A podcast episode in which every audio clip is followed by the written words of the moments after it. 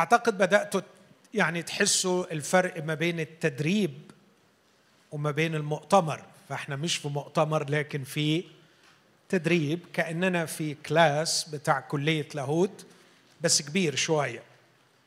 حسام خدنا إلى العالم الذي تكون فيه بولس الثقافه التي صاغت هذا الرجل بأبعادها الثلاثة باعتبار أن بولس مولود يهودي وتربى في أورشليم عند رجلي غملائيل فشرب منذ صغره التعاليم اليهودية نشأ يهوديا غيورا متقدما على اطرابه في جنسه. لكن البعد الثاني كان أثينا شاول الذي تهذب بفلسفة عصره وشعر عصره وأدرك المكونات الأساسية في الثقافة السائدة في ذلك الوقت. وأيضا بولس المولود حاصلا على الجنسية الرومانية.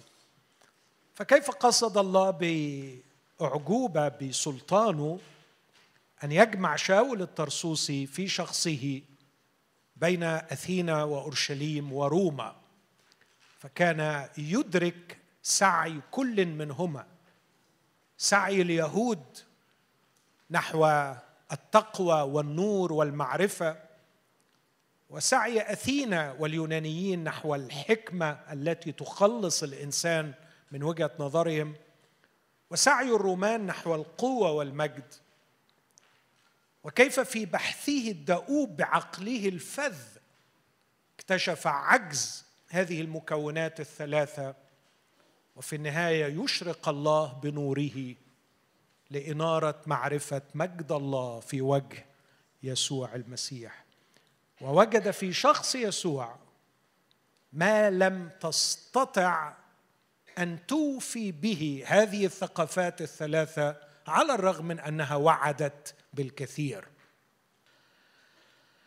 ده كان السياحة التاريخية اللي حسام حب يرسم لنا الخلفية وسيم خدنا للشخصية نفسها. فمن عالم بولس إلى شخصية بولس وراينا فعلا انسانا تحت الألام مثلنا. فلسنا أمام شخص مصنوع من صوان لكننا أمام شخص هو قال عن نفسه لنا هذا الكنز في إناء خزفي. رأينا انسانا يتألم ويتوجع إنسانا متضعا منكسرا.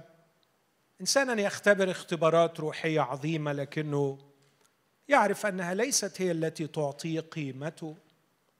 بولس الذي أهمل وتم تجاهله وعاش في طرسوس مجهولا حتى ذهب إليه برنابا لياخذه يصارع مع العمل يصارع مع الضيقات يصارع مع آلامه الجسمانية. إنسان. لكن الشيء الغريب أن الله غير التاريخ من خلال إنسان ضعيف. وأعتقد أن هذا درس عظيم لنا.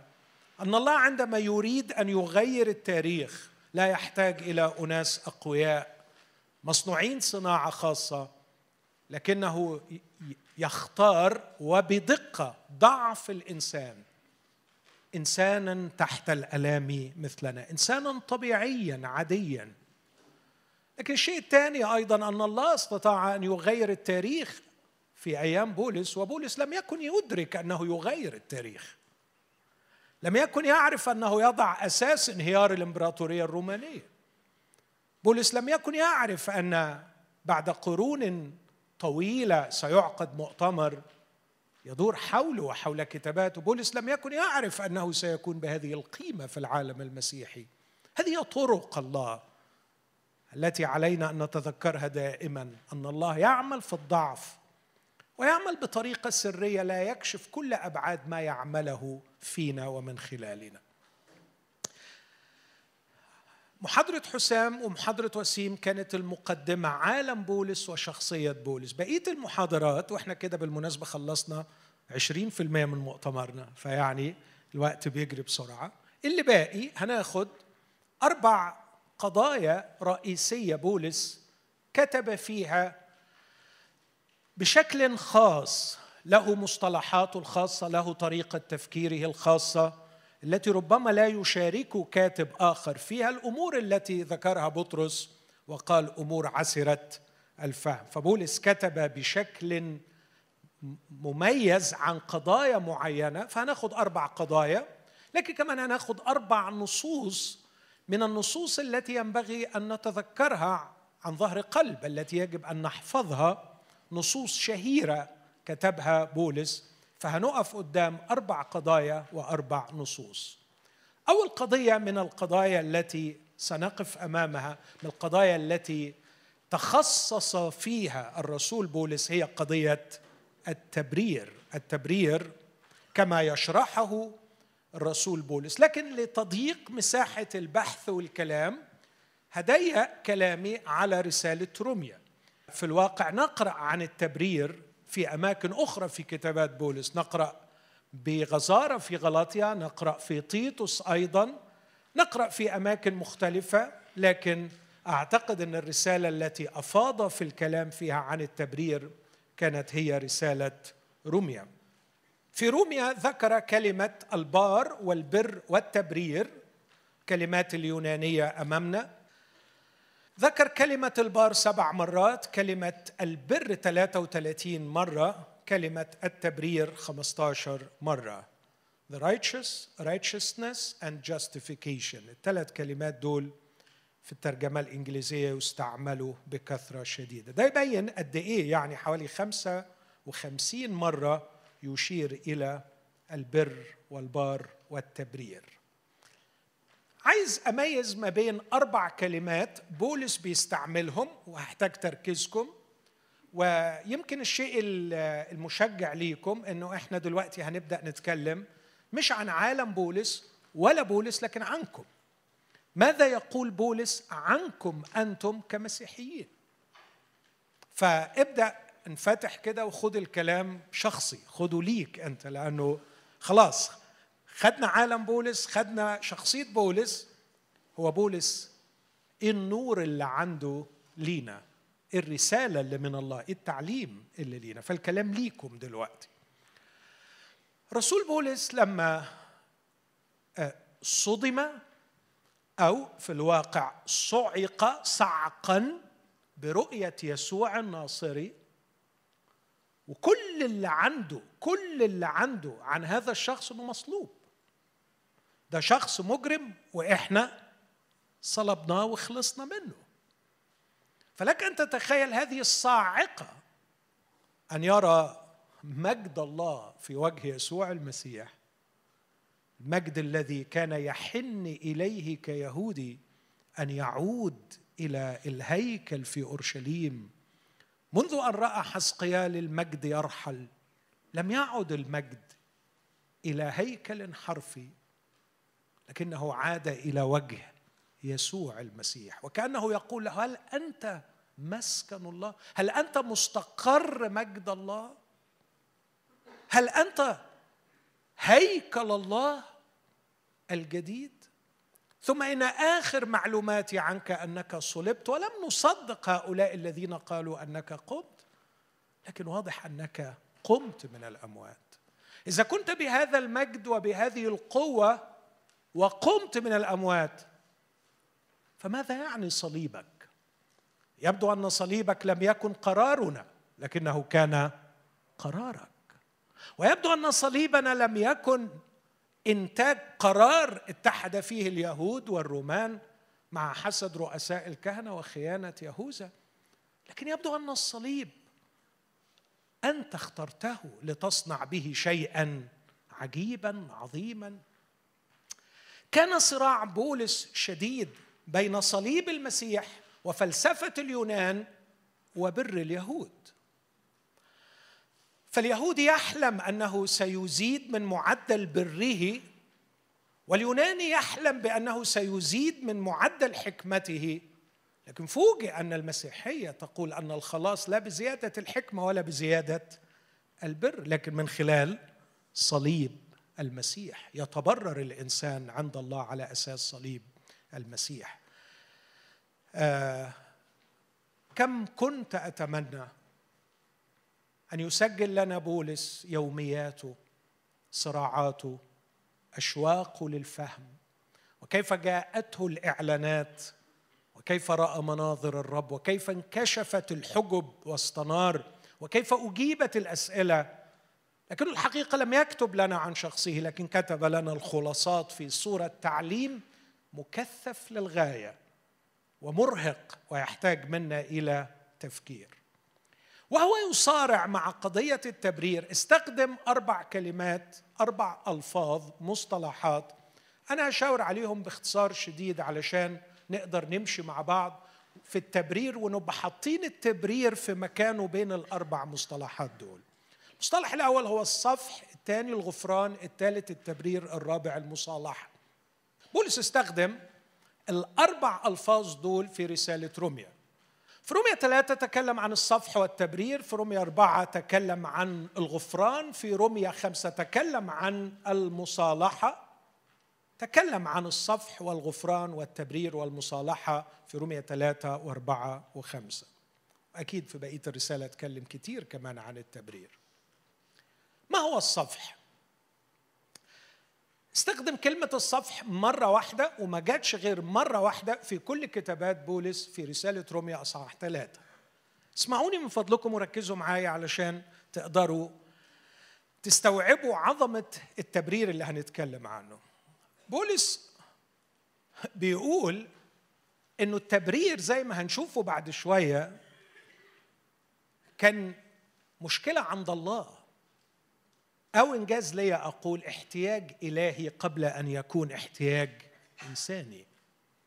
فالله يريد أن يتبرر وليس فقط الإنسان هو الذي يريد أن يتبرر. إزاي؟ هل الله يريد أن يتبرر؟ آه اصله عمل عملة عجيبة وغريبة شوية إن في ناس على مر العصور قبل صليب المسيح عملت خطايا. أذنبت أجرمت وكانوا يستحقوا الموت لكن الله لم يقضي عليهم لم ينزل عليهم عقوبته. فكيف يكون الله بارا عندما عفى عن هؤلاء الناس؟ ونحن نعلم أن أجرة الخطية موت. ونحن نعلم اوعى حد فيكم يغلط ويقول لا أصله كان بيقدم ذبيحة. ده موضوع محتاج دراسة لكن أقول لكم بس معلومتين صغيرين.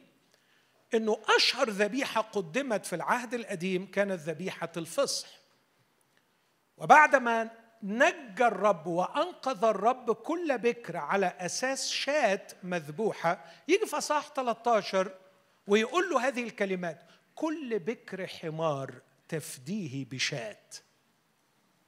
كل بكر حمار تفديه بشاة. إيه الرسالة؟ أتساءل مع الرسول بولس وأقول هل ألعل الله تهمه الحمير؟ يعني هو ربنا كان مشغول قوي بفداء الحمير. فيجي في أصحاح 13 بعد ما يفدي البكر أصحاح 13 ده بيبدأ بكلمة رهيبة قدس لي كل بكر كل فاتح رحمة إنه ليه؟ الله مشغول بعملية جبارة في إخراج شعب إسرائيل.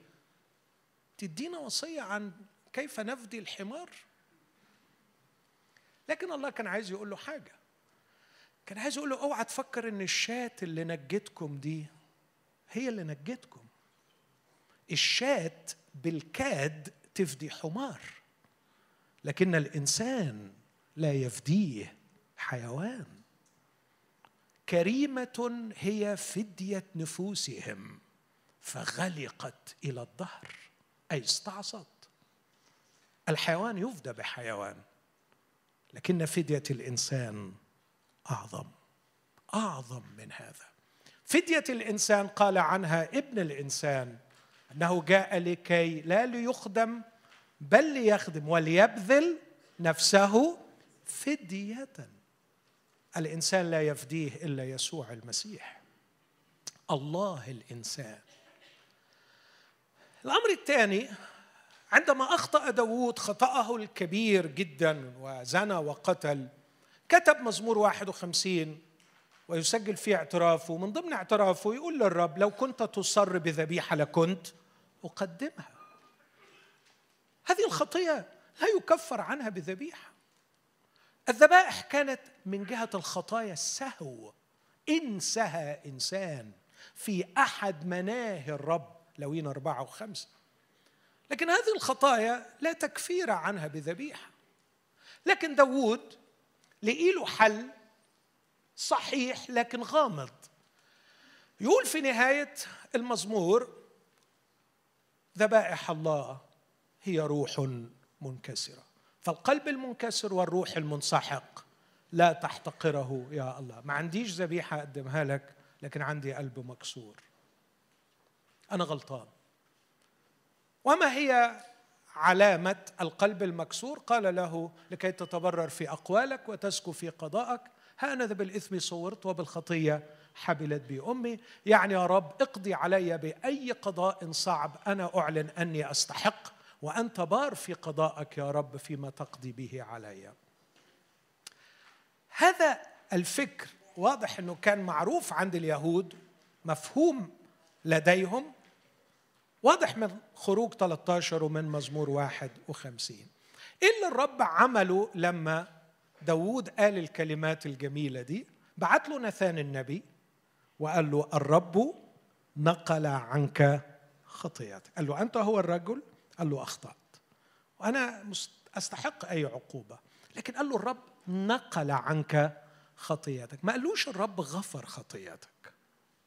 لكن الرب نقل عنك. والسؤال الذي نسأله نقلها إلى أين؟ إلى أين نقلها؟ عملية نقل الخطية دون توضيح إلى أين وكيف ومتى هو ده الصفح عشان كده بولس يقول في رومية ثلاثة يقول إن الله كان لازم يقدم المسيح ذبيحة اسمعوا النص ده من فضلكم لإظهار بره من أجل الصفح عن الخطايا السالفة بإمهال الله. لإظهار بره يعني لازم الله يعمل إيه؟ يقول يا جماعة أنا ما كنتش غلطان. يوم ما أنا عفيت عنه وما قتلتوش ما عاقبتوش أنا ما كنتش بدوس على عدلي. لأني كنت عارف إن في حد بيحبه هيجي وهيشيل خطيته. فأنا نقلت عنه خطيئة ما قلتلوش إن أنا غفرتها لأنه كيف أغفر خطية لم يدفع ثمنها؟ كيف أغفر خطية وأنا لم أتعامل معها بالعدل؟ كيف أغفر الخطية وأبدو وكأني لست إلها عدل أودي وشي من أوريا الحثي فين؟ فعلا. تخيل لما أوريا الحثي يروح السماء ويقول له هذا الرجل اغتصب امرأتي وقتلني. أين العدل؟ يقول له معلش. إخوتي لو الله هيغفر على مبدأ معلش فهو إله لا يستحق العبادة. أين عدلك؟ هل يظل الله إلى أبد الآبدين مدانا من المظلومين والمجروحين والمسحوقين؟ كان لابد أن الله يظهر بره. اسمع النص. من أجل الصفح عن الخطايا السالفة ب إمهال الله. فاللي عمله الله مع داوود وإبراهيم وغيرهم. عملية إمهال. إمهال. يعني إيه إمهال؟ روح دلوقتي. روح دلوقتي. روح من وشي دلوقتي. يعني إيه أروح؟ يعني غفرت لي؟ لا ما غفرتلكش. مين قال أنا غفر؟ هو فوضى. هو أنت تغلط واغفر لك كده وخلاص. آه مش أنت غفور رحيم. آه غفور رحيم في مخك يعني فوضى. يا حبيبي مفيش فوضى عند ربنا. روح دلوقتي. الصفح to pass pass عديها دلوقتي. انقلها. بحب أستعمل تعبير كأن الله يقول بعد فحص ملفات القضية. قد ثبت أن المتهم ارتكب هذه الجريمة وهو يستحق الموت. لكن تؤجل القضية إلى جلسة الجلجثة. تؤجل القضية إلى جلسة الجلجثة. وكان الله على يقين أن هذا المسكين لي محب ناوي يفديه. في فادي ده الخبر الجبار في المسيحية. يوجد في المسيحية فادي. يوجد في المسيحية فادي. قدم نفسه فدية عن كثيرين وهو بذل نفسه فدية لأجل الجميع. هذا هو يسوع المسيح. ده الصفح. فمات القديسون وهم يطوبون من يغفر لهم. وهم يمدحون الله الذي يغفر لكنهم لم يدعوا ابدا أنهم استمتعوا بهذا الغفران. يكتب داود في تطويب الإنسان. بولس يقول كده. وبولس لقطها وشايفها وكتبها في رومية أربعة. بيقول يكتب داود في تطويب الإنسان الذي لا يحسب له الرب خطية. فيقول طوبى للذي غفر إثمه وسترت خطية. طوبى لرجل لا لكن منين أجيب أنا؟ منين أوصل لكده؟ أنا كل اللي امتلكته أنه قال لي الرب نقل عنك خطيتك بأي ضمير ستستريح يا داود بأي ضمير ستنام يا داود كيف سيهنأ نومك؟ وكيف ستتقدم في عبادتك لله؟ وأنت لست حتى يديك اليقين أنك مغفور. الإثم. طوبى للذي غفر إثمه. كانت نبوة مستقبلة يتنبأ بها ميخا فيقول من هو إله مثلك؟ غافر الإثم. وصافح عن الذنب. يعود يرحمنا. يدوس. هيجي يوم وهيعمل معانا كده. ده الصفح. الغفران واضح إنه لا. الغفران حاجة أعظم وأكبر وأقوى. والحقيقة أول مرة نشوف الغفران بشكل قوي كان في مواجهات يسوع مع بعض الناس الخطاة. فكركم بحادثة في لوقا خمسة وحادثة في لوقا سبعة. في لوقا خمسة منزل له المفلوج. يسوع ينظر إلى قلبه المكسور ومش يقول له الرب نقل عنك خطياتك لكن يقول له مغفورة لك خطاياك. وده صدم اليهود. إيه اللي بتقوله ده؟ إيه ده؟ من يغفر الخطايا إلا الله؟ وإحنا عايشين على الحلم ده إنه يغفر. أنت إزاي بت بتوزع غفران؟ إزاي بتقول له مغفورة لك خطاياك؟ قال لهم أيهما أيسر؟ أن يقال للمفلوج مغفورة لك خطاياك أم أن يقال له قم واحمل سريرك؟ وامشي. وكانوا يقول لهم يا جهلة عشان أقول له قوم واحمل سريرك وامشي هي كلمة.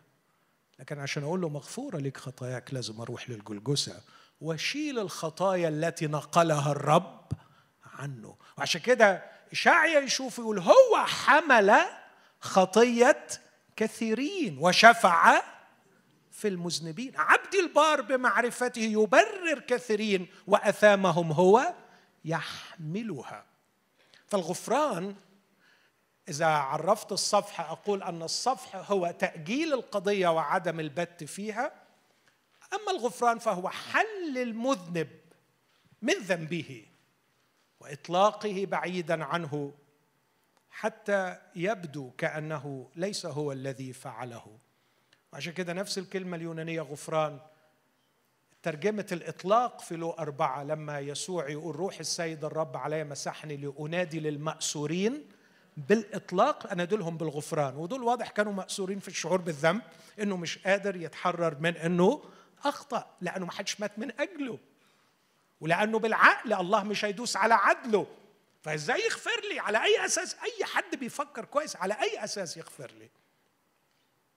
يمكن بعضكم سمع مني القصة دي عشرات المرات لأني لا أمل من أن أحكيها هذا المدمن الذي كنت أعالجه في بداية حياتي المهنية وفي الأول خالص. الولد حاول ينتحر وبعدين نجي من الانتحار. وبعد ما فاق من الكوما بتاعته بدأت أعمل له ال psychotherapy وبعدين كان ما يجيش الجلسة ويقول لي يا دكتور أنت بتضيع وقتك معايا روح شوف لك حد تاني استثمر معاه وقتك أحسن لك. كنت أقول له ليه؟ يقول لي عشان هطلع من هنا وهنتحر تاني. أنا ما استاهلش أعيش. أنا ما استاهلش أعيش. أنا ما استاهلش أعيش. في يوم زنقته قلت له أنت لازم تقول لي أنت ليه ما تستاهلش تعيش؟ قال لي لو حكيت لك الحاجات البشعة اللي أنا عملتها أنت نفسك هتقول لي إن أنا ما استاهلش أعيش. غمرت وتشجعت وقلت له احكي لي. وحكى لي. وفعلا شعرت بكم من الغضب والاشمئزاز المرعب. وبعدين هو حس بكده فقال لي إيه رأيك أنا أستاهل أعيش؟ قلت له لا لا بصراحة أنت ما تستاهلش تعيش خالص. أنت فعلا ما تستاهلش تعيش. بس ساعتها ما قدرتش إن أنا يعني أصمت أمام هذا المشهد المأساة. فقلت له لكن الله بيحبك. والله يغفر لمن يتوب توبة نصوحة فإذا تبت إلى الله الله يرحمك. قال لي برضو أنت بتقول الكلام ده زيهم. قلت له إيه؟ قال لي بتضحك عليا. بتضحك عليا. قلت له ليه بضحك عليك؟ قال لي يعني إيه يغفر لي يعني؟ واللي أنا عملته مين يدفع ثمنه? لا يمكن أنسى صدمتي عندما سمعت هذه العبارة. واللي أنا عملته مين يدفع ثمنه؟ ما قدرتش أمسك دمعة من عيني. ولقيتني بقول له تصور أنا فعلا ضحكت عليك. لأني خبيت عنك أجمل جزء في الحكاية إن في واحد دفع الثمن. في واحد دفع الثمن. بس فاكر يوميها وأنا مروح كنت بقول أي عقل سليم وأي ضمير حساس لا يقبل غفرانا غير مدفوع الثمن. الغفران يستلزم ثمن. ولهذا فعندما يقول يسوع مغفورة لك خطاياك هو بيقولها بقلب لأنه هو اللي دفع الثمن. يحل الخاطئ عن خطيته عن خطاياه ويطلقه بعيدا يطلقه ينادي له بالإطلاق. والشيء الجميل أن يسوع نادى لنا بالإطلاق. بص كده لقى سبعة المرأة إذ لم يكن لها ما توفي زي صاحبنا سمعان سامحها سامحها أظهر اللطف والحب. أظهر اللطف لكن مش غفران. بس وهي ماشية قال لها مغفورة لك خطاياك اذهبي بسلام. go in peace هو هيقعد في النكد والحزن بتاعه. رغم إنه نال السماح فترة وراء الفترة لكن أنت go in peace لأنك أحببت كثيرا وغفرت لك خطاياك الكثيرة. مغفورة لك خطاياك. جو in peace. واحد سأل وقال go to where?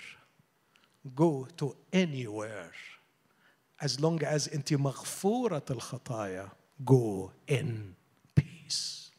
اذهبي بسلام إلى السجن إلى فراش المرض إلى الضيقات إلى الآلام إلى الظلم طالما أنك مغفور الإثم وفي علاقة مع الله. اذهب بسلام. ليكن لديك كل شيء لكن ليس لديك الغفران من المستحيل أن تكون في سلام. لكن التبرير زي ما هنشوفه مع بعض شيء أكثر شوية من الغفران. ولأني هوضح فيه أكثر فاكتفي بكلمة واحدة. الغفران شيء سلبي صح؟ وعشان كده مرتبط بكلمة اذهب جو روح خلاص ما عليكش حاجة. لكن التبرير شيء إيجابي تعالى. التبرير اقعد معايا. you are qualified انت كفء انك تعاشرني. انت كفء انك تصاحبني. لا انت كفء تبقى ابني. انت كفء تسكن في بيتي. غفران الخطايا لا يؤهل لهذا كله. الأمر يحتاج إلى عملية أكبر من مجرد غفران الخطايا. وعشان كده اللي اتكلم عن الامتيازات المسيحية هو بولس.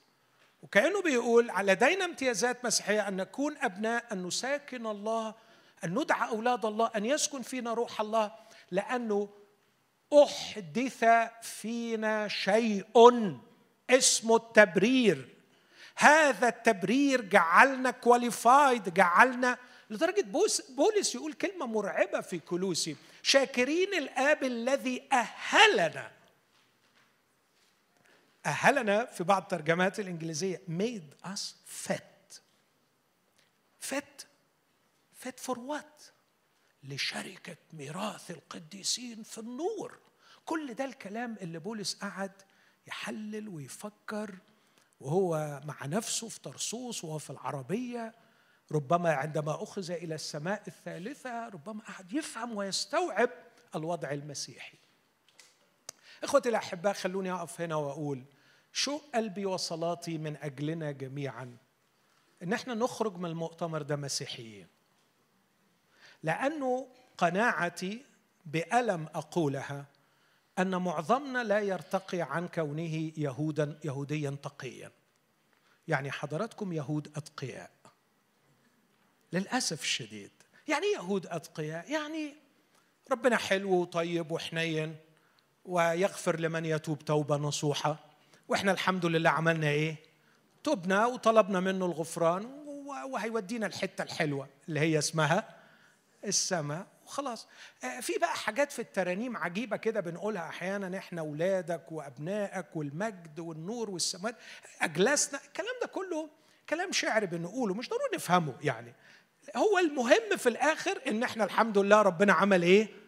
يعني سامحنا وإن شاء الله إن شاء الله هترسي على خير. وبعدين في شوية حاجات محرمة لأن إحنا فاهمين كيهود إنه اللي ربنا مسامحهم يقف جنبيهم ويبعد عنهم ولاد الحرام ويوقف لهم ولاد الحلال آه، ويباركهم في صحتهم وفي حيواناتهم وفي كلابهم وفي بقرهم وفي فلوسهم وفي حاجتهم وإحنا للأسف مش بيحصل معانا كده فإن شاء الله هنشوف محاضرة عن الشر والألم نحاول نفهم آه، الكلام ده يعني. ده ده يهودي تقي خائف الله. لكن بولس جاء لينقلنا من اليهودية إلى المسيحية. وإذا لم نفهم كتابات بولس لن أعتقد إن النقلة من اليهودية إلى المسيحية هي في مسألة التبرير. اذا التبرير هو تأهيل الشخص قضائيا. اسمحوا لي أستعمل التعبير الصعب ده انطولوجيا انطولوجيا يعني تأهيله مش بس على الورق القانوني بتاعه لكن في كيانه من جوه. يعني يبقى ورقه سليم لكن كينونته كمان من جوه فات كفء إنها تكون في علاقة مع الله. واخدين بالكم من الفكرة دي؟ يعني أنا دايما أقول التشبيه ده. أنا ممكن أتسجن أروح السجن لأني عملت أخطاء بس ملك البلاد بيعفي عني وبيسدد ديوني وبيديني قرار براءة أطلع ماسك شهادة في إيدي محدش يقدر يفتح عينه فيا. أنا معايا وثيقة تعلن براءتي. بس ما أقدرش أروح لملك البلاد وأقول له جوزني بنتك. يقول لي you are not qualified صحيح أنت ورقك دلوقتي سليم لكن كونك حاصل على البراءة وورقك سليم هذا لا يؤهلك لوظيفة زوج بنتي أو لو إنك تساكنني وإنك تكون في شركة معي. الأمر يحتاج إلى تغيير داخلي. التبرير transforming التبرير مغير للكيان في الداخل. مش مجرد شيء forensic مش مجرد شيء قضائي لكن كمان التبرير عملية تأهيل قضائي وأنطولوجي يعني تغيير للكينونة. كلمة أنطولوجي يعني كيان أو كينونة. فكيانك كإنسان بالتبرير يتم تأهيله ليكون في علاقة مع الله ومساكنة الله وسكن الله إلى أبد الآبدين. التعبير الرابع اللي بيستعمله بولس هو المصالحة.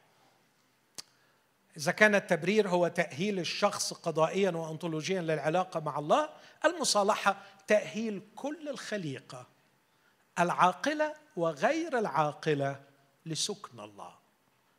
اسمع كده العبارة دي في كلوسي واحد 18 فيه سر أن يحل كل الملء عن يسوع وأن يصالح به الكل لنفسه.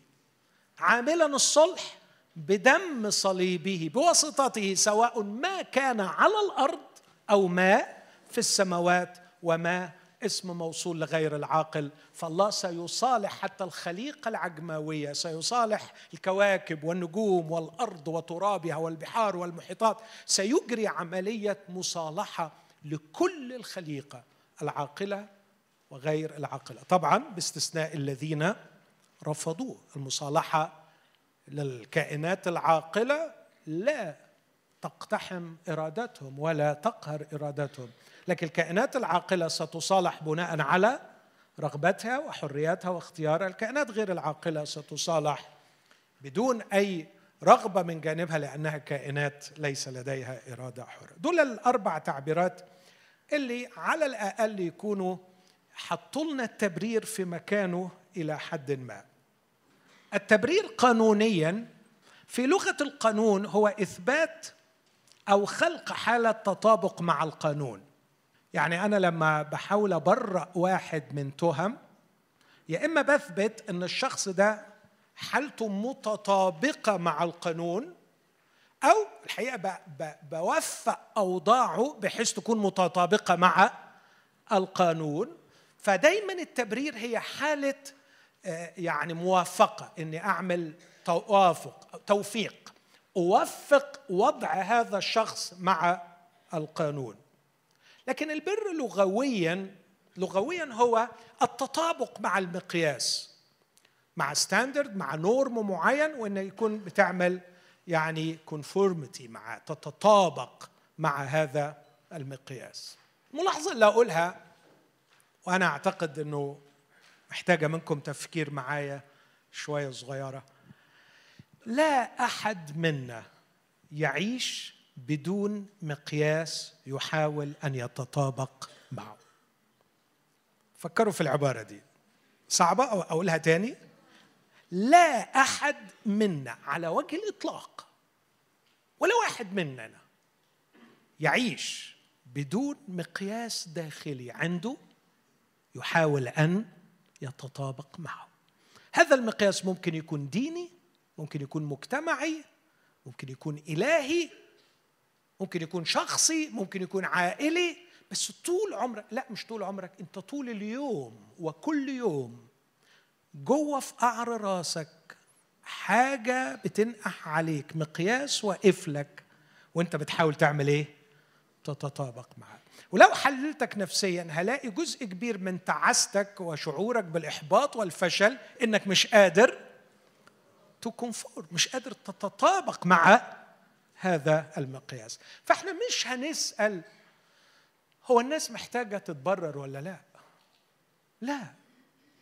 لأنه لو لو أنت بتقول الناس محتاجة تتبرر ولا لا أنت بتسأل هو الناس عندها مقياس ولا لا؟ كل الناس عندها مقياس. بس السؤال هو المقياس ده صحيح ولا خربان؟ مقياس فسدان. فأنت بتحاول تتبرر. خلوني اديكم تشبيه. عشان تعرفوا إن كلمة البر كلمة نسبية هي محاولة التطابق مع مقياس. لو فيكم أي حد شاف أفلام المافيا أو قرأ عن المافيا أنا ما شفتش أفلام أندرو بيشوف كفاية هو يشوف. لكن أنا بقرأ ف في أنا بس الأفلام بتزعجني شوية لأنها بتطول قوي في الآخر بتدي فكرة فأنا ببقى عايز الفكرة من الآخر وأخلص يعني. بس أندرو بيحب بيحب المشاهد والتجسيد.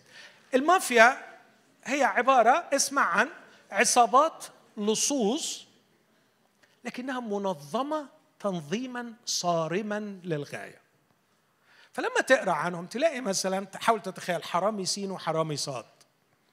حرامي سين شرس لا يتورع عن استعمال العنف في أي موقف فتاريخه في العصابة الحقيقة مشرف للغاية لأنه قتل بشراسة وبدون رحمة وحقق أكبر إنجازات للعصابة. فهو شرس. لكن على الرغم من شراسته الشديدة هو وفي جدا لعائلات زملائه الحرامية. لما بيقتل عائلها هو بيكون طبقا لتنظيمات العصابة وقواعدها إنه يسد كل احتياجاتها. الحرامي صاد. الحقيقة ما عندوش هذا الكم من الشراسة والعنف. هو مخطط ومفكر ومكار ومخادع ومراوغ. آه، فما عنده ما قتلش زي الراجل ده ما سرقش زي الراجل ده. لكن هو كمان مش أمين قوي في التزامه بعائلات أصحابه الحرامية لما يقتلوا أي حرام منهم أكثر برا؟ حرامي سين ولا صاد؟ مين الحرامي البار فيهم؟ سين طبعا طبعا. بس خد بالك حرامي بار طبقا لمقياس العصابة مقياس العصابة. ما فيش بني آدم عايش بدون مقياس. كل واحد بيدور على المقياس. وهنا ممكن ده يساعدك لو بتحب يعني بس ما انصحش إنك تعمل كده إنك تقعد تعمل psychoanalysis الناس بقى اللي بتهتم بالبيئة وبتهتم لازم نهتم بالبيئة بين قوسين. بس تلاقي في ناس كده يعني بتموت روحها من أجل البيئة. أو الناس اللي بيموتوا روحهم من أجل المظلومين في الدنيا من أجل ال hate speech من أجل السياسة من أجل كل هؤلاء يريد أن يتبرر. عنده وجع في الداخل نفسه يتبرر. فبيختار مقياس يمكن التوافق معه. وعندما أتوافق مع المقياس أحصل على جرعة كبيرة من السعادة والمكافأة لأني قد تبررت. لكن هؤلاء الذين يبررون أنفسهم بأنفسهم طبقا لمقاييس اخترعوها أو وضعها الناس لهم. هم تعساء لأنهم سيكتشفون في النهاية أنهم توافقوا مع مقاييس كثيرة ولم يتوافقوا مع الله شخصيا. وأعتقد إن اللي أنت محتاج له لما حضرتك تموت وتدخل يدخل جسمك القبر وتطلع من الدنيا أنت محتاج تكون متوافق مع الله. فإذا لم تتوافق مع الله هنا عندك مشكلة كبيرة. البر لغويا هو التطابق مع المقياس. أحد اللاهوتيين المتخصصين في العهد القديم اسمه على قد ما بعرف أقرأه أخت مير. الراجل ده عامل يعني مقالة كبيرة عن البر في العهد القديم. بيقول البر في العهد القديم هو مفهوم علاقاتي. فهو بار مين البار من أكمل كل المتطلبات والمسؤوليات المفروضة عليه في العلاقة التي هو فيها وعليه اسمع. فالبر ليس كلمة تصف سمة أخلاقية شخصية بل امانه لعلاقة. أنا طبقا للعلاقة دي بار لأني أتبع فيها المقياس. السؤال اللي بطرحه إذا كان التبرير هو التطابق مع مقياس فما هو المقياس؟ أنا قلته من شوية إيه المقياس اللي إحنا عايزين نتطابق معاه؟ أعتقد أن المقياس لمن يطلب الله لمن يريد الله هو الصلاحية للعلاقة مع الله. هنا نص المحاضرة ومربطها المهم. يعني إيه عايز تتبرر؟ وأنا أفترض إنك طالب الله. عايز تتبرر وأنت تطلب الله وعطشان إلى الله. أي أنك تريد حالة الصلاحية للعلاقة مع الله. كيف أصل إلى هذا؟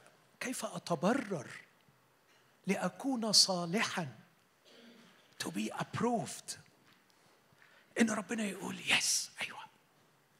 ومش بس يوافق عليا يحبني ويجد مسرته فيا. بص مش فكرة الحب الغير مشروط اللي أحيانا بنفهمه بمعنى إنه ربنا يعصر على روحه رمونة. طبعا سوري في الكلام ده. ويبلعني. يعني يعني بص أنت مقرف بس أنا هقبلك يعني. مش دي المسيحية خالص. خالص خالص. مسيحيه أن الله قادر أن يجعلنا كائنات تسره. فاكرين لما شاف يسوع قال هذا هو ابن الحبيب الذي به؟ والله يعملنا كده. فمش نبقى بس مقبولين يعني خدنا الختم قضائيا. لا يؤهلنا ويجعلنا صالحين لإسعاده. لمسرته لمتعته. حسب اسمع كده أفسس هنجيلها أثناء المؤتمر حسب مسرته التي قصدها في نفسه. هو مستمتع إنه يدخل في العلاقة معنا وقادر إنه يحولنا إلى كائنات قادرة أن تسعده. يشوف أخلاقنا يفرح بينا يشوف أحشائنا يفرح بينا يشوف عقلنا يفرح بينا. يشوفنا مسيحيين. يعني إيه مسيحيين؟ يعني إيه مسيحيين؟ يعني بندين بدين المسيحيين. ها؟ هي دي معنى مسيحيين؟ لا مسيحيين. خدتوا بالكم خدتوا بالكم لو ركزتوا في النص اللي قراه وسيم النهارده؟ لما برنابا راح جاب شاول من طرسوس وقعدوا في انطاخيا سنة يعلموا. حد فاكر كلمة اتقالت؟ ودعي التلاميذ مسيحيين. في انطاكيا اولا. ابتدت الناس تفهم يعني إيه؟ مسيحي. على يد بولس وبرنابا. بقيوا مسيحيين. يعني إيه مسيحيين؟ يعني بقيوا شبه المسيح. يعني بقيوا فعلا بيتغيروا إلى تلك الصورة. يعني أخلاقهم وكيانهم وحياتهم وطريقة تفكيرهم وتعففهم وقوتهم وجمالهم. كل حاجة فيهم بقوا زي يسوع. بقول إذا كان التبرير هو التطابق مع مقياس قانونيا ولغويا. فالمقياس لمن يطلب الله هو الصلاحية للعلاقة مع الله.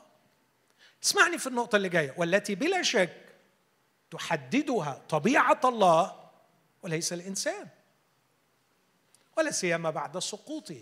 يعني أنا أريد أن أكون صالحا للعلاقة مع الله طب اللي هيحدد المقياس اللي مزاجي فيه واللي أقدر أعمله واللي أقدر أكونه ولا اللي تحدده طبيعة الله؟ مفهوم السؤال ده؟ مفهوم السؤال؟ اشرح أنا هدخل في علاقة مع صديق. لابد إنه يكون في مقياس معين. إحنا الاثنين نوصل له علشان نكون في حالة توافق. المقياس ده أحطه أنا ولا يحطه الله؟ لو الشخص الثاني ده الله. أكيد الله. مش كده؟ بس انت انت بتقولها كده كإجابة نظرية. لكن الحقيقة معظمنا حاطط مقياس يريد أن الله يتوافق معه. وإحنا 90% من الأسئلة اللي بتجيلنا في كريدو لوجوس ناس يريدون الله أن يتوافق مع المقياس الذي هم وضعوه. وده طبعا تهريج. المقياس تحدده طبيعة الله. فاذا كان الله قدوس ينبغي أن نكون قديسين في كل سيرة. إذا كان الله محب لأعدائه علينا أن نحب اعداءنا المقياس تحدده طبيعة الله وليست طبيعة الإنسان ولا سيما بعد سقوطه. الفكرة دي بقى اسمعوني من فضلكم تنسف نسفا تاما. إذا كان المرجو في النهاية ليس هو التوافق مع الله والدخول في علاقة معه لكن النجاة من الجحيم وذهاب الجنة نروح الجنة. خلاص. لو أنت الفكرة إنك ما تروحش الجحيم وتروح الجنة التبرير ملهوش أي لازمة. أنت كل اللي تتمناه إن ربنا يعمل إيه؟ يغفر لك علشان ما تتعاقبش وتبقى الذنوب بتاعتك وقعت وما تروحش بقى النار وتروح الجنة. وأرجوكم نسميها الجنة. لأنه السماء في تصورات كتير من المسيحيين هي new version من الجنة. هي جنة كويسة. جنة ما فيهاش عك كتير يعني. لكن جنة حلوة كده هنقعد نرنم فيها ونتبسط. في الآخر برضو في الآخر هنعمل إيه؟ هنتبسط. بس كل واحد بيتبسط الطريقة بتاعته. في ناس refined يحبوا يعملوا مزيكا ويقعدوا على ريكلاينرز كده وملايكة بترفرف حواليهم. منظر جميل. وفي ناس عايزة تاكل تشرب. يعني كل واحد بيشوف إيه الجنة اللي تعجبه. فإذا كان المطمح النهائي هو الجنة عندك كمسيحي فأنا أعتقد إنه الكلام عن التبرير ملهوش أي قيمة. ليست الصلاحية لعدم العقاب. ليست الصلاحية لدخول الجنة لكن الصلاحية للعلاقة مع الله. نفسي أكون كفء إنه يصاحبني. نفسي إني أكون كفء إني أقعد معاه. نفسي لما يحكي كلام أفهمه. نفسي لما يحس بمشاعر معينة توصلني. نفسي أحبه زي ما حبني. نفسي أغفر زي ما هو غفر لي. ونفسي أبقى كبير زي ما هو كبير. أنا عايز أبقى زيه. عشان أبقى زيه لازم أبقى في علاقة عميقة معاه. وعشان أبقى في علاقة عميقة معاه يا جماعة أنا محتاج تأهيل. محتاج حد يأهلني. مش بس على الورق. لا يأهلني من جوه. هو ده التبرير. في كلمتين بيستخدموا في اللاهوت المصلح التقديس والتمجيد تقدر تربطهم. التبرير يضع الأساس والتقديس يأخذك من حيث وضعك التبرير لكي تنمو في هذه الرحلة. التمجيد هو التغير فعلا الذي يجري فيك لأن التمجيد في المسيحية يبدأ من الآن لأنه يبدأ في الشخصية. نتغير من مجد إلى مجد ويكتمل في النهاية بتمجيد الجسد. لكن أنتقل لنقطة ثانية أقول التبرير أمام الله مشكلة بشرية يستحيل حلها. لو الله ما تدخلش وحل القضية دي وهو اللي بررنا إحنا مش هنقدر نبرر أنفسنا. آه، بولس من ضمن مصطلحاته الجميلة رمية 8 31 الله هو الذي يبرر. الإنسان لا يستطيع أن يبرر نفسه. يعني إيه يا جماعة؟ يعني عملية التأهيل دي ما فيش كنيسة تعمل لي سلسلة من الوصايا تقول لي لو اتبعتها إن شاء الله هتتغير قضائيا وانطولوجيا بحيث إنك تبقى كفء للعلاقة مع الله. لو في كنيسة قالت لك إحنا نقدر ندي لك وصفة بيها تتبرر أمام الله احتملني أقول لك بيخدعوك. لأن الوحيد الذي يبرر هو الله لأنه اللي هيعمله زي ما هنشوف خارج عن إمكانيات البشر. من زمان البشر الأتقياء لاحظوا استحالة التبرر أمام الله. هقرأ بس آيات. فأجاب أيوب وقال صحيح. قد علمت أنه كذا فكيف يتبرر الإنسان عند الله؟ إن شاء أي إن شاء الله. إن شاء أن يحجه لا يجيبه عن واحد. من ألف.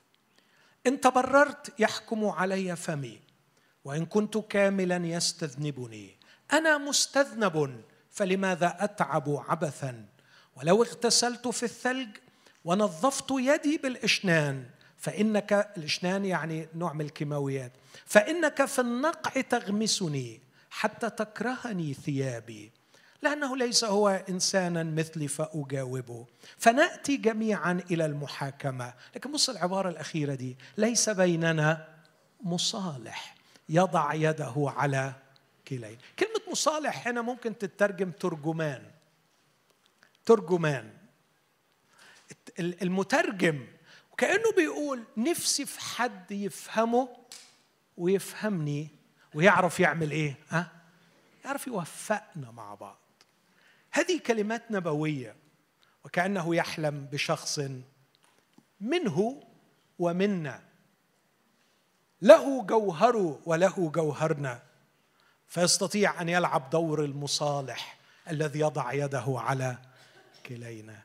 أعتقد أن صليب يسوع المسيح هو أعظم صورة في كل العالم الروحي تقول أن المصالح قد وصل.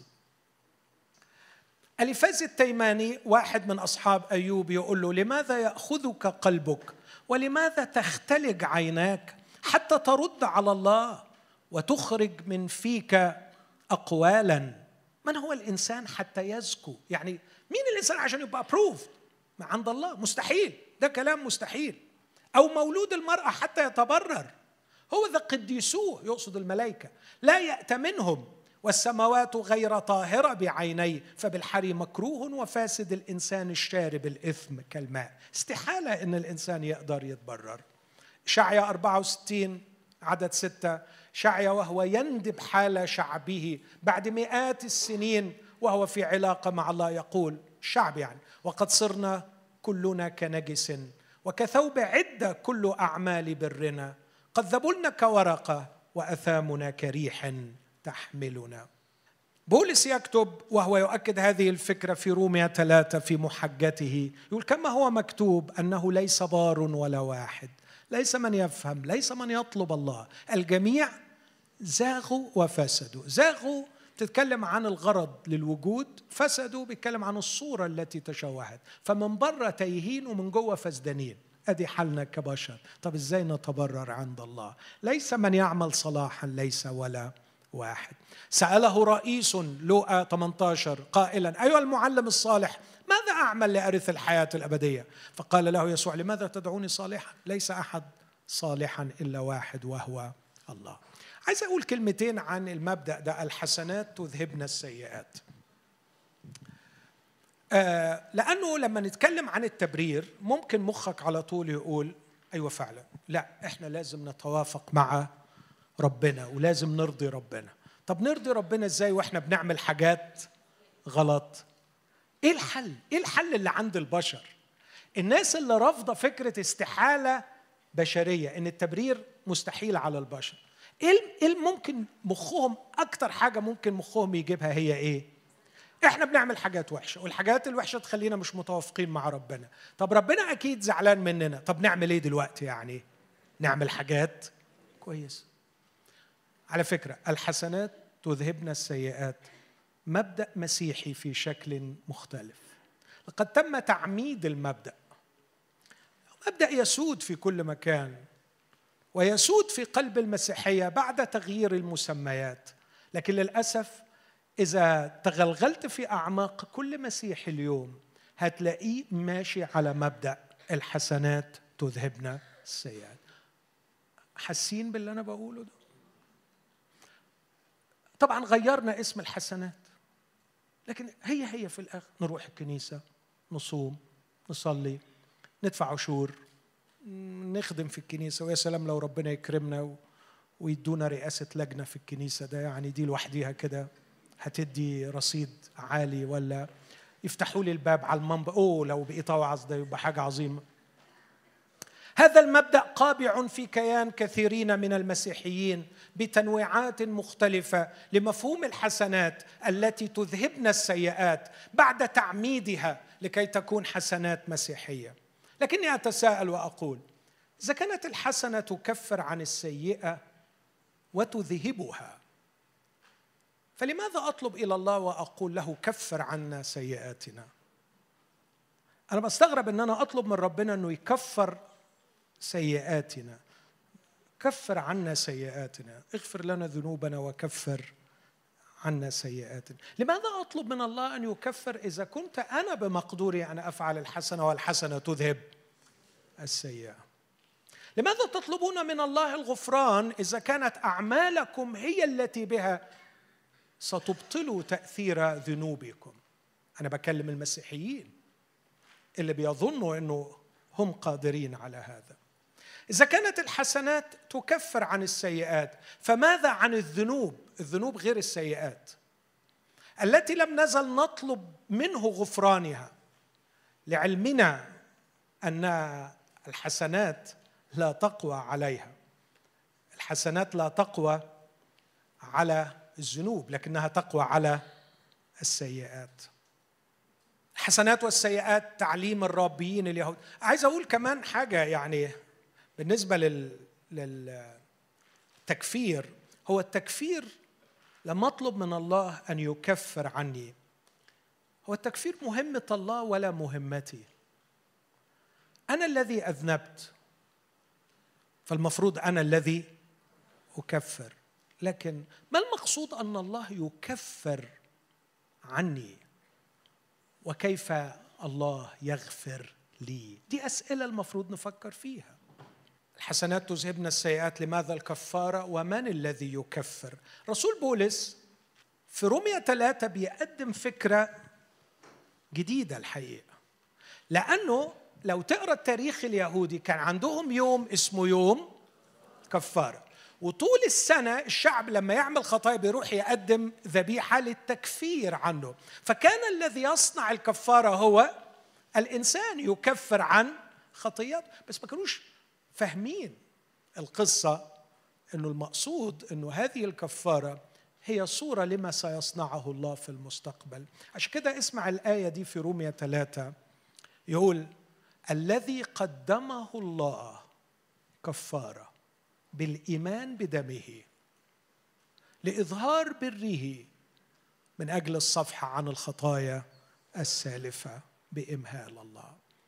المسيحية تختلف عن الوثنية تختلف عن اليهودية في أنه ليس الإنسان هو الذي قدم كفارة عن خطاياه لكن الله هو الذي قدم كفارة عن خطايا الإنسان لأن الكفارة أعظم جدا من إمكانيات الإنسان. هيقدم إيه؟ آخره يقدم حسنات طالعة من قلب فسدان فحتى بتطلع حسناته ملوثة بفساده. ده آخره. فكيف لحسناته التي تلوثت بفساده ولا يمكن أن تخلو من شيء من فساده أن تذهب عنه؟ سيئات. إني أحتاج لغفران الله. محتاج لحل يجي من فوق. أنا مش هعرف أحل. أنا مش هعرف أحل مشكلة ذنبي وسيئاتي. أحتاج إلى الله. الحسنات والسيئات تعليم الربيين اليهود في أيام بولس كانوا عارفين إنه في حاجة اسمها يتسر هارا ويتسر هاتوب.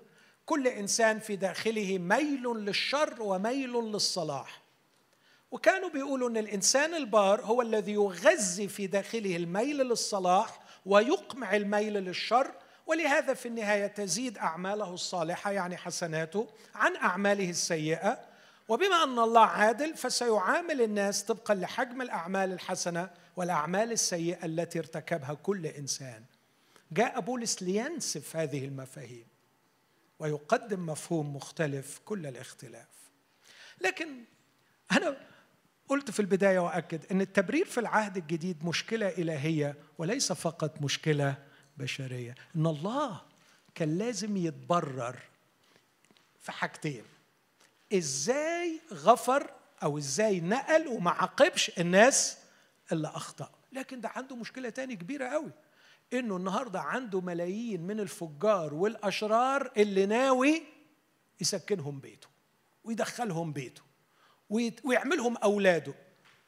إزاي هيعمل كده؟ إزاي وهو العادل؟ الراجل اللي دايما بحب أقول قريت كاتب على التاكسي بتاعه من ورا في اسكندرية كيف أدعوك وأنا الأثيم؟ وكيف لا أدعوك وأنت الكريم؟ أنا مشتاق أدعيك بس إزاي أدعيك وأنا أثيم؟ حدش يحل له المشكلة الغلبان ده. محتاج حل للمشكلة. كيف يستطيع الله أن يكون الكريم دون أن يدوس على عدله؟ كيف يبرر الله المذنب؟ بص كده العبارات دي اقرأها معايا بسرعة.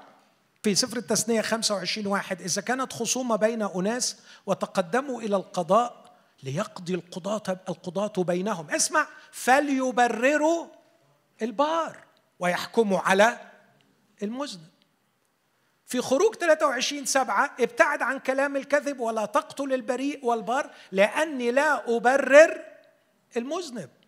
في أمثال 17 15 مبرئ المذنب ومذنب البريء كلاهما مكرهة الرب. تخيل بقى ربنا يقول احكم على المذنب. لا تبرر المذنب. مبرئ المذنب مكرهة عند الرب وبعدين هو يروح عامل إيه؟ يروح مبرئ المذنب. يعني ربنا بيحصل كلامه. ربنا بيعمل عكس كلامه. لا ده بص مش بيبرر المذنب. ده رومي أربعة بولس بيكتب ويقول أما الذي لا يعمل ولكن يؤمن بالذي يبرر الفاجر إيمانه يحسب له بر يقول ما تبررش المذنب وبعدين يروح هو نفسه يبرر الفاجر. إزاي يحلها دي؟ إزاي ربنا يعمل كده؟ كان لازم يكون عنده حل. بولس في روميا واحد واثنين وثلاثة بيوصف عجز كل الحلول اللي ممكن تفكر فيها عشان تحل لك المشكلة دي. لا ينفع إدراك الله من الطبيعة ولا ينفع إدراك الله بالمنطق ولا ينفع الناموس الطبيعي اللي في القلوب ولا تنفع النعمة العامة غنى لطفه وإمهاله طول أناته ولا ينفع ناموس موسى ولا حاجة نفعت عشان تحل المشكلة دي وتبرر الإنسان أمام الله. ووصل بعد كده وقال إحنا شكونا إن الكل خطاط وإن الكل للأسف ضايع وما فيش حل لكن يوصل إلى هذه الكلمات في رمية 3 21 وأما الآن فقد ظهر بر الله بدون الناموس يعني بدون أعمال الناموس بدون ما تطيع وصايا الناموس. مشهودا له رغم أنه بدون أعمال الناموس لكن مشهود له من الناموس والأنبياء. ركز معايا في الكلام. بر الله بالإيمان بيسوع المسيح إلى كل وعلى كل الذين يؤمنون لأنه لا فرق. إذ الجميع أخطأوا وأعوزهم. مجد الله. ظهر البر الإلهي والله هيبرر الخاطئ. إزاي بقى؟ متبررين مجانا بنعمته بالفداء الذي بيسوع المسيح الذي قدمه الله كفارة بالإيمان بدمه. لإظهار بره من أجل الصفح عن الخطايا السالفة بإمهال الله. لكن كمان لإظهار بره في الزمان الحاضر ليكون بارا وهو يبرر من هو من الإيمان بيسوع. الله يريد أن يكون بار وهو يبرر فاجر مثلي. ولكي يستطيع الله أن يكون بار وهو يبرر خاطي مثلي كان لابد من الفداء الذي بيسوع المسيح. فأين الافتخار قد انتفى؟ بأي ناموس بناموس الأعمال اللي هو بتاع الحسنات والسيئات؟ كلا. بل بناموس الإيمان. إذا نحسب أن الإنسان يتبرر بالإيمان بدون أعمال الناموس. خلوني أقرأ الآية 24 كالآتي. متبررين مجانا. الله يؤهلك لتكون في علاقة معه قضائيا وداخليا في كينونتك بدون سبب منك. متبررين مجانا يعني من غير خالص مسألة رصيد الحسنات. بلا سبب من جانبك لكن ليس بلا سبب من جانبه. فمتبررين مجانا بإيه؟ بنعمته. أنت ليس عندك سبب يجعل الله يبررك لكن الله عنده سبب يجعله يبررك وهو نعمتي وما هي نعمة الله؟ هي نشاط محبة الله في مشهد شر الإنسان. متبررين مجانا بنعمته. بلا سبب من جانبنا لكن ليس بلا سبب من جانب الله. لكن وإن كانت بلا سبب ليست بلا أساس. والأساس هو الفداء. وليس أي فداء. ليس فداء شاة ليس فداء ذبح عظيم من الغنم. لكن الفداء الذي بيسوع المسيح. الذي قدمه الله وليس قدمه الإنسان فدية عن نفسه.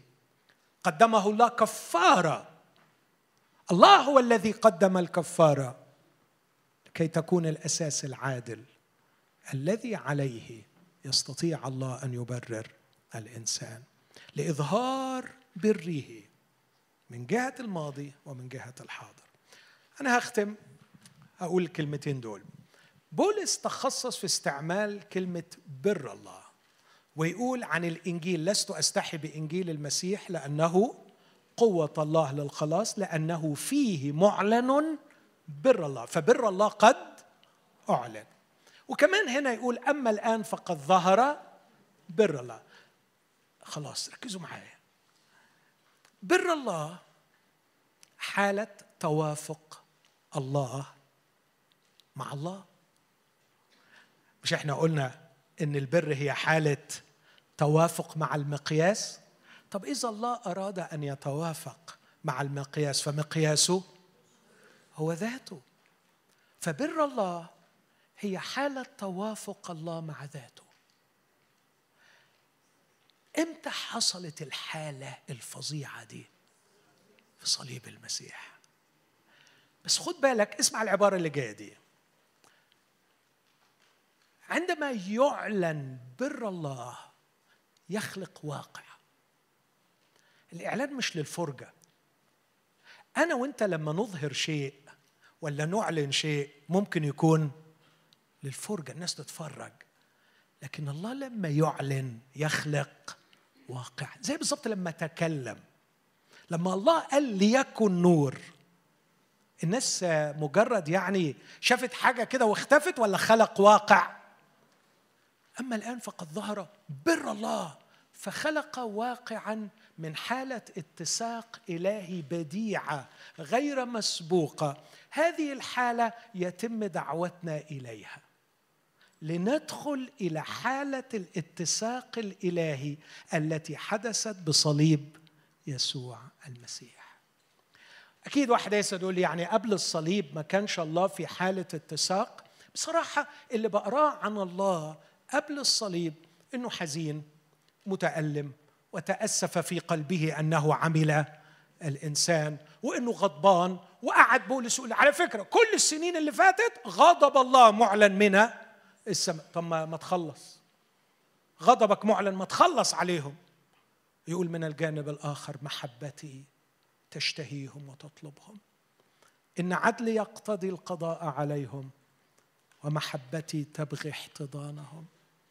وظل الله في هذه الحالة حتى حدث هذا الحدث المروع في العالم الروحي. مات يسوع على الصليب. وبموت يسوع على الصليب أسرار لا نعرفها بكيفية وميكانيزمات لا نفهمها. اللي نعرفه إن الله وصل إلى حالة الاتساق الذاتي. وعندما أعلن اتساقه الذاتي في الإنجيل خلق واقعا حقيقيا حرفيا يدعو الناس إليه. كانوا بيقول لك تعالى اتسق مع الله في الواقع الذي خلقه. تعالى ادخل إلى حالة الاتساق. بولس جرب دي فكتب الكلمات اللي هقراها دي. في فيليبي ثلاثة بولس بيقول اسمعوا العبارات دي.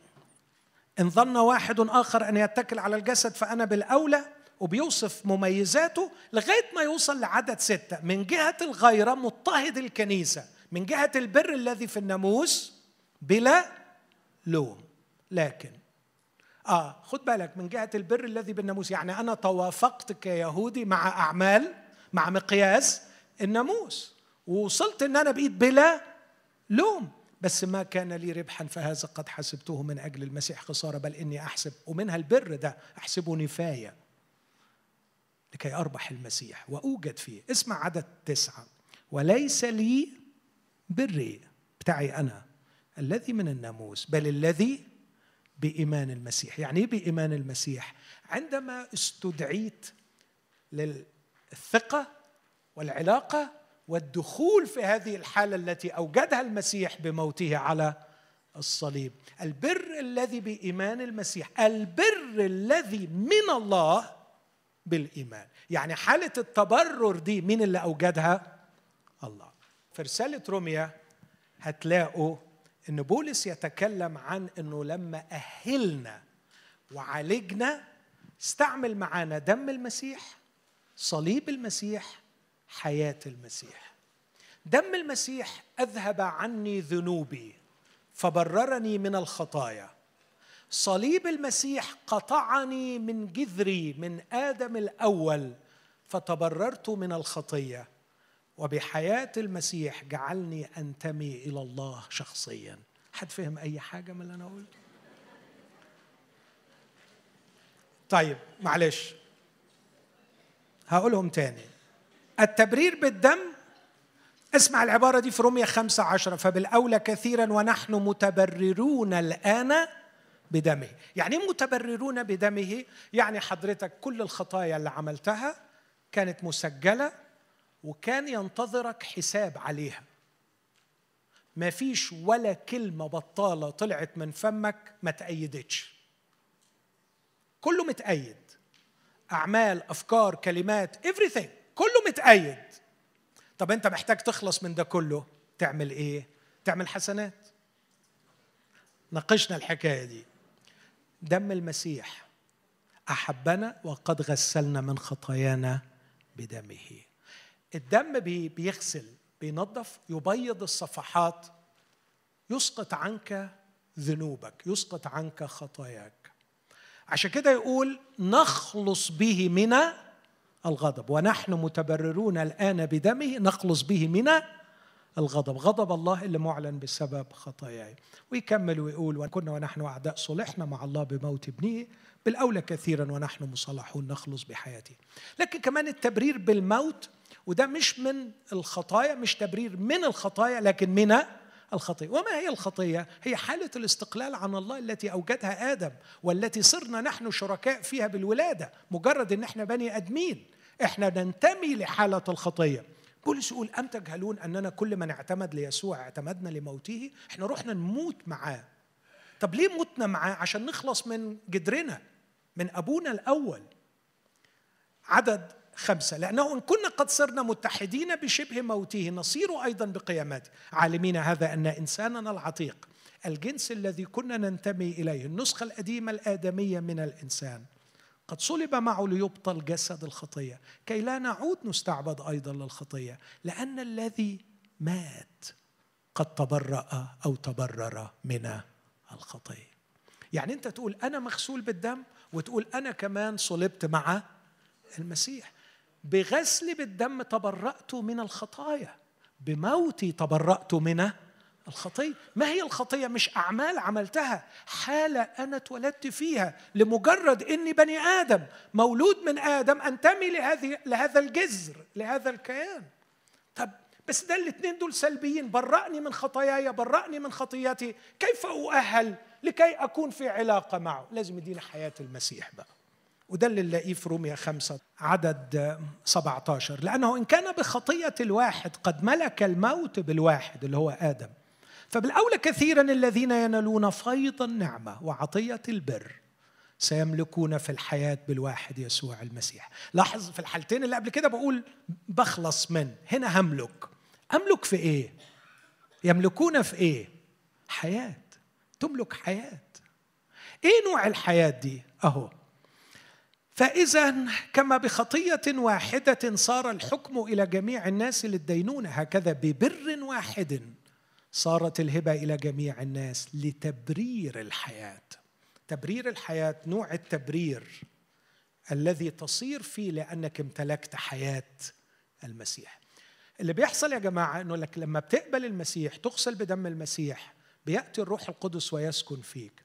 الروح القدس بيدفق فيك حياة يسوع المسيح لأنه اسمه روح الحياة في المسيح. يسوع. فلما الآب يبص عليك دلوقتي يلاقيك حرفيا عمليا أنت فيك حياة حياة يسوع. حياة يسوع مسرة ولا مش مسرة؟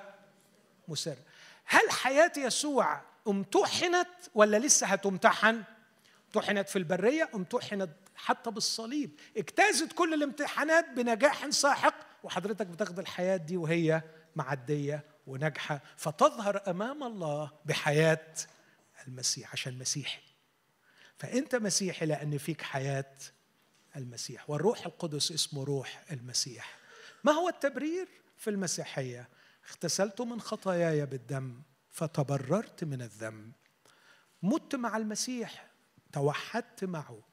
وده عمل معجزي لما بتقبل الدعوة لحالة البر والاتساق مع الله بيحسب لك أنك صلبت مع المسيح وقمت مع المسيح.